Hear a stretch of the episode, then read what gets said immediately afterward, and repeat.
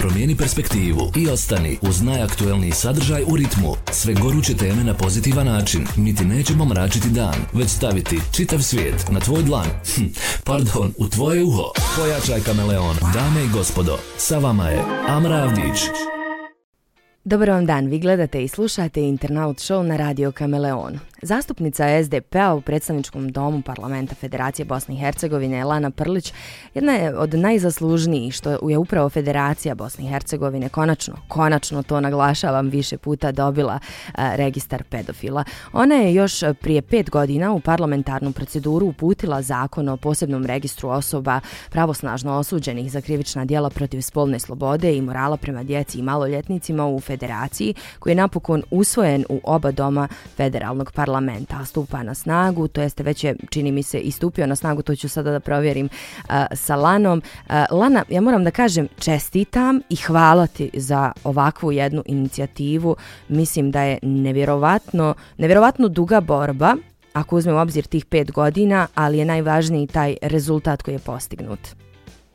Pa prije svega hvala na pozivu i pozdrav svim našim slušateljima i gledateljima ovaj, hvala na čestitkama, da kažemo i hvala na zahvalu, međutim ja moram reći da je to zaista moj posao, nema potrebe uopšte da se bilo ko zahvaljuje, ali razumijem i potrebu.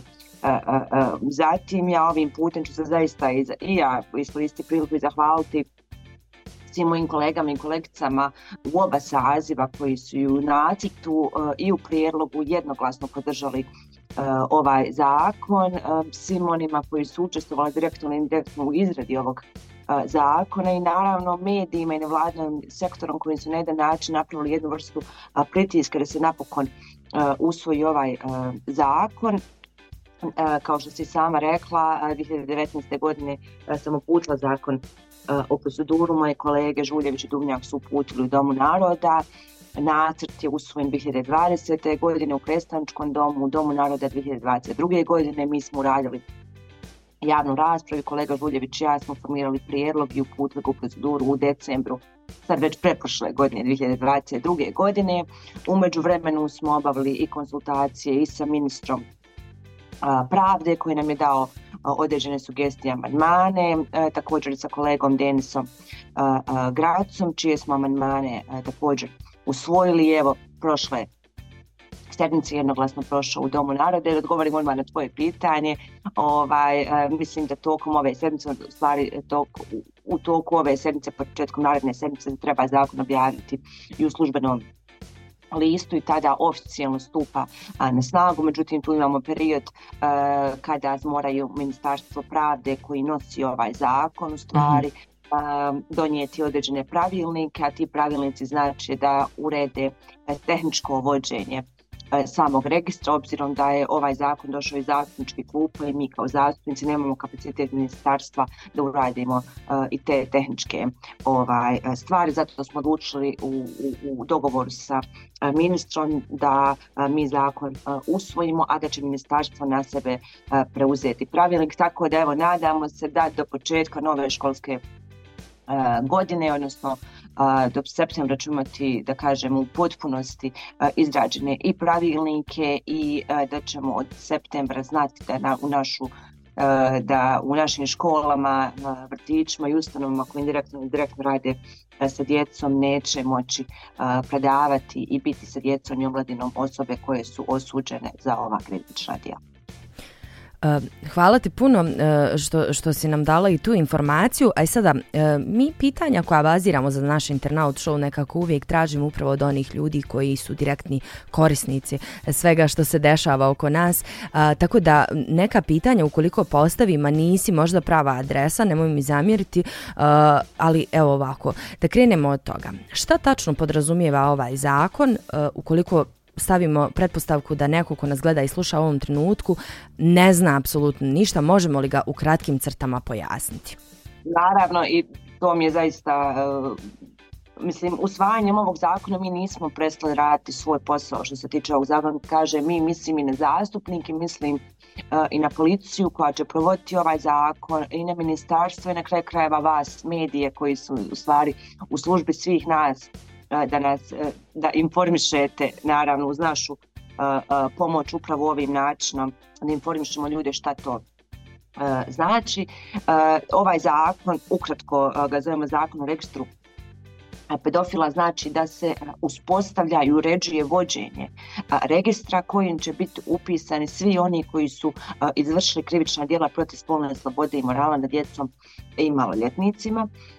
Svi, znači oni koji su odslužili svoju kaznu zatvora će biti upisani u taj registar. Taj registar će biti tajan i trajan, što znači da mi, evo, vi i Amra, nećemo moći pristupiti tom registru, ali ukoliko recimo vi sutra aplicirate ili bilo ko aplicira da radi u školi eh, ili vrtiću ili udruženju koji, koji, koji u direktnom ili indirektnom kontaktu sa djecom eh, i omladinom, ta ustanova ili institucija je dužna da pri eh, prijemu radni odnos u toku konkursne procedure ovaj, pošalje spisak imena kandidata za određenu poziciju u toj školi ili ustanovi Ovaj, prema nadležnom e, ministarstvu unutrašnjih poslova, odnosno tužilaštvu, da oni provjere da li se neko od tih kandidata nalazi u registru. Koliko se neko od tih kandidata nalazi u registru e, pedofila, ta osoba ne može da bude zaposlena na to radno mjesto. Znači, taj, ovaj zakon donosi e, tu uredbu kao i uredbu da, odnosno odredbu kao i odredbu da se te osobe ne mogu nalaziti u neposrednoj blizini djece i omladine kao što su recimo E, dječja igrališta, školske, školske dvorište, e, sportske manifestacije, bilo kakve dječje manifestacije e, iz razloga što ni Lana, ni Aner, ni Jasmin, ni bilo ko koji je radio na ovom zakonu, to je konkretno u federaciji, mi nismo izmislili toplu vodu. Ovo je praksa koja je nastala, ovaj zakon je praksa koja je nastala u Americi 90. godina iz razloga što obično ovi prestupnici pedofili nakon oslužene kazne zatvora se vraćaju u neposrednu blizinu djece i omladine u 70% slučajeva pokušavaju ili već urade, odnosno ponove to krivično djelo. Znači ovim, ovim zakonom mi u stvari štitimo kad našu djecu pošaljemo na vanastavnu aktivnost, kad pošaljemo u školu ili bilo koju aktivnost da znamo da osoba koja će se brinuti uh, o njima u toku tog vremena nije presuđeni uh, pedofil da još preciznije e, pitam ono što je istiglo u naš inbox jeste, dakle, da li oni koji su već osuđeni do momenta kada ovaj zakon stupa na snagu, svejedno bivaju upisani u taj isti registar? E ovako, konkretno ja ne znam odgovor na to pitanje, međutim ovo što znam da je praksa bila i u drugim državama da se retroaktivno a, mm u registar. Međutim, ono što moram da naglasim i to će se naravno definisati pravilnikom ministarstva. Međutim, ono što moram da naglasim je vrlo jedna bitna stvar, zato kažem da naša priča ovdje nestaje. Registar pedofile u potpunosti u Federaciji kao i u Republici Srpskoj i u svim drugim državama, entitetima, da kažemo, koji, tretiraju krivičnim zakonom ova krivična djela, registar pedofila u potpunosti naslonjen na krivičnim zakon federacije. Ono što mhm. moramo da znamo je u krivičnom e, zakonu federacije ove odredbe koje sam navela koje se tiču zaposlenja ili e, zabrane posjete e, biti u neposrednoj blizini djece i omladine je limitirano na 10 godina.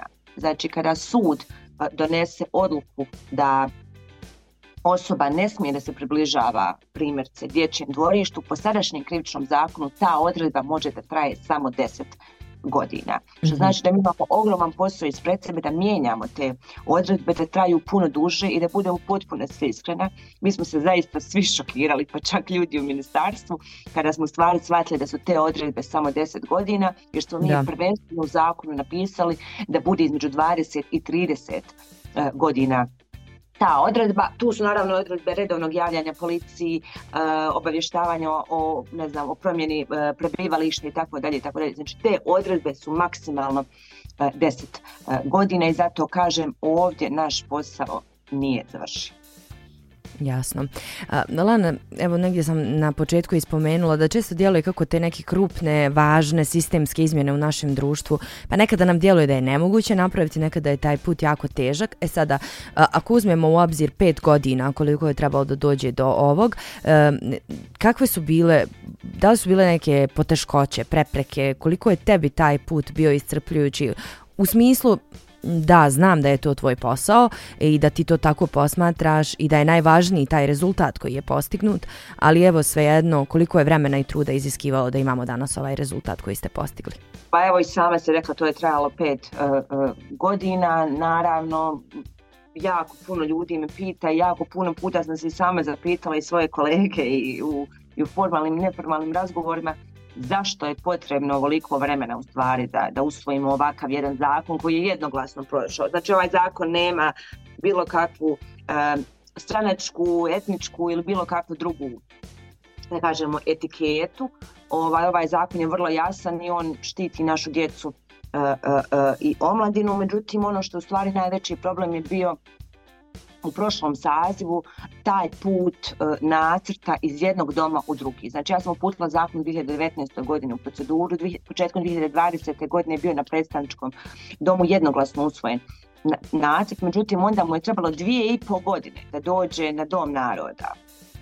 Jako često naši zakoni su nažalost e, zaglave, da kažemo, narodske rečine između dva e, doma i da mhm. budemo potpuno iskrena, znači u ovom sazivu u stvari evo i, i u ovoj kažemo vladi sam imala puno bolju da kažemo saradnju sa resornom ministrom pravde koji me, koji me primio u smislu da razgovaram o tom zakonu na prvi moj poziv dok nažalost nije bila tolika zainteresovana od strane prethodnog ministra pravde za ovu temu. Ja čim sam nazvala ministra Škobića i objasnila o čemu se radi, mi smo cijeli kroz dva, tri dana dva, tri sastanka u roku od eh, deset dana smo eh, vidjeli eh, koje su manjkavosti zakona, da uputimo amandmane, da ispravimo i da preuzmemo da to bude naš zajednički u projekat i zato kažem ovo nije samo zakon koji sam ja iznijela, ovaj zakon iznijela jako puno ljudi uključujući sve moje kolege koje su jednoglasno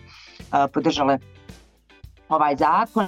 Zato da. kažem, nažalost, e, ovo ovisi o individualnoj volji kao i svaki zakon, koliko će ga neko e, htjeti iznijeti, odnosno koliko će sa druge strane imati e, razumijevanja povodom nekih tema. To ne znači da je neko manje dobar ili manje loš, ali jednostavno nekim, nekim ljudima su drugi prioriteti na radu.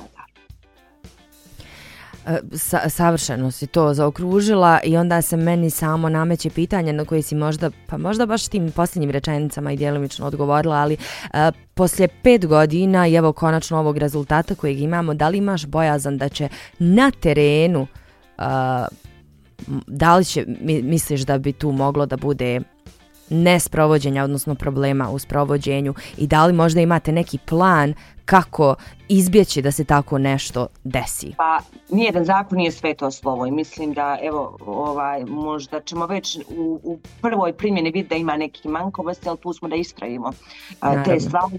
Evo, zato mi je drago što na javnoj raspravi su najveći zaista doprinosi, to moram naglasiti, e, dali e, ombudsman Mhm. I ministarstvo unutrašnjih poslova, kantonalno ministarstvo unutrašnjih poslova, čiji su predstavnici došli, dali toliko dobre sugestije, naravno oni najbolje i znaju kako da rade, e, koje su mankavosti, odnosno koje su prednosti zakona, oni su se zaista potrudili, dali jako puno sugestija koje smo naravno većinu tih sugestija i prihvatili obzirom da će ti ljudi na kraju dana i provoditi ovaj, ovaj zakon.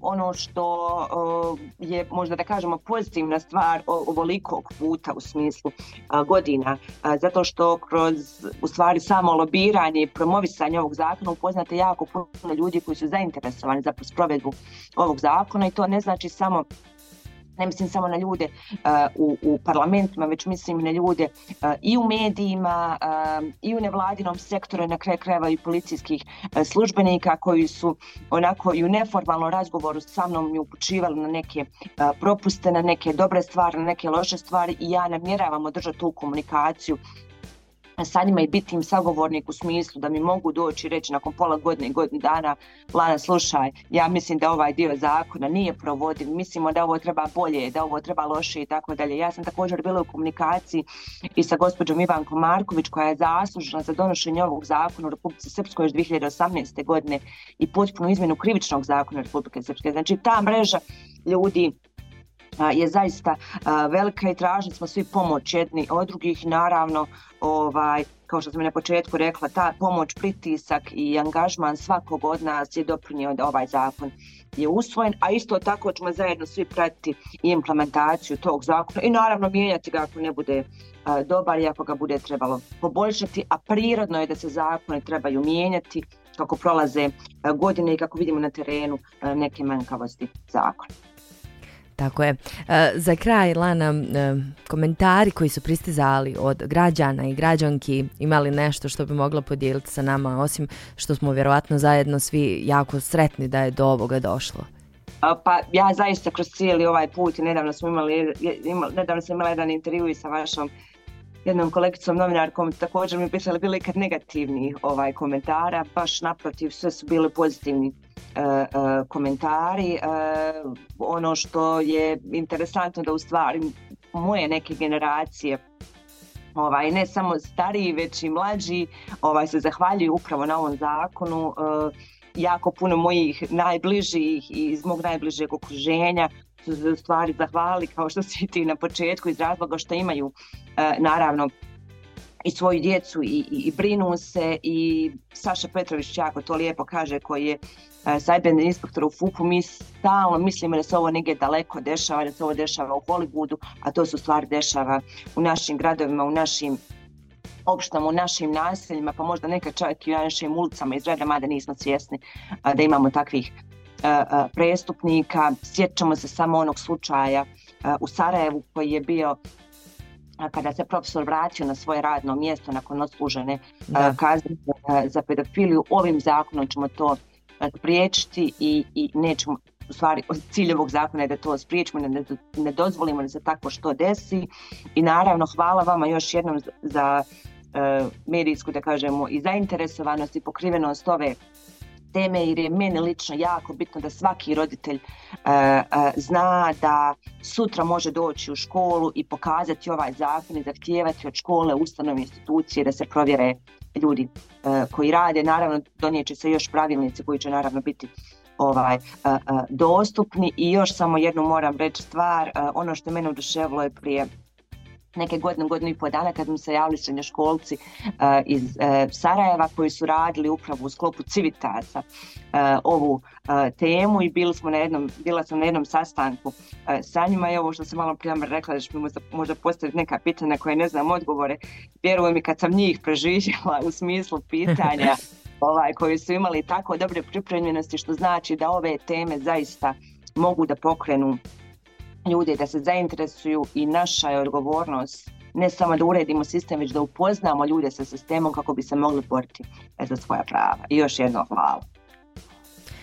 Žene su te koje će povesti revoluciju, tako se desilo u ovom slučaju. Hvala ti puno Lana što si bila moja gošća. Hvala vam na pozivu. A vi ostanite uz Radio Kameleon i naš Internaut show. Promijeni perspektivu i ostani uz najaktuelniji sadržaj u ritmu. Sve goruće teme na pozitivan način. Niti nećemo mračiti dan, već staviti čitav svijet na tvoj dlan. Hm, pardon, u tvoje uho. Pojačaj kameleon. Dame i gospodo, sa vama je Amra Avdić.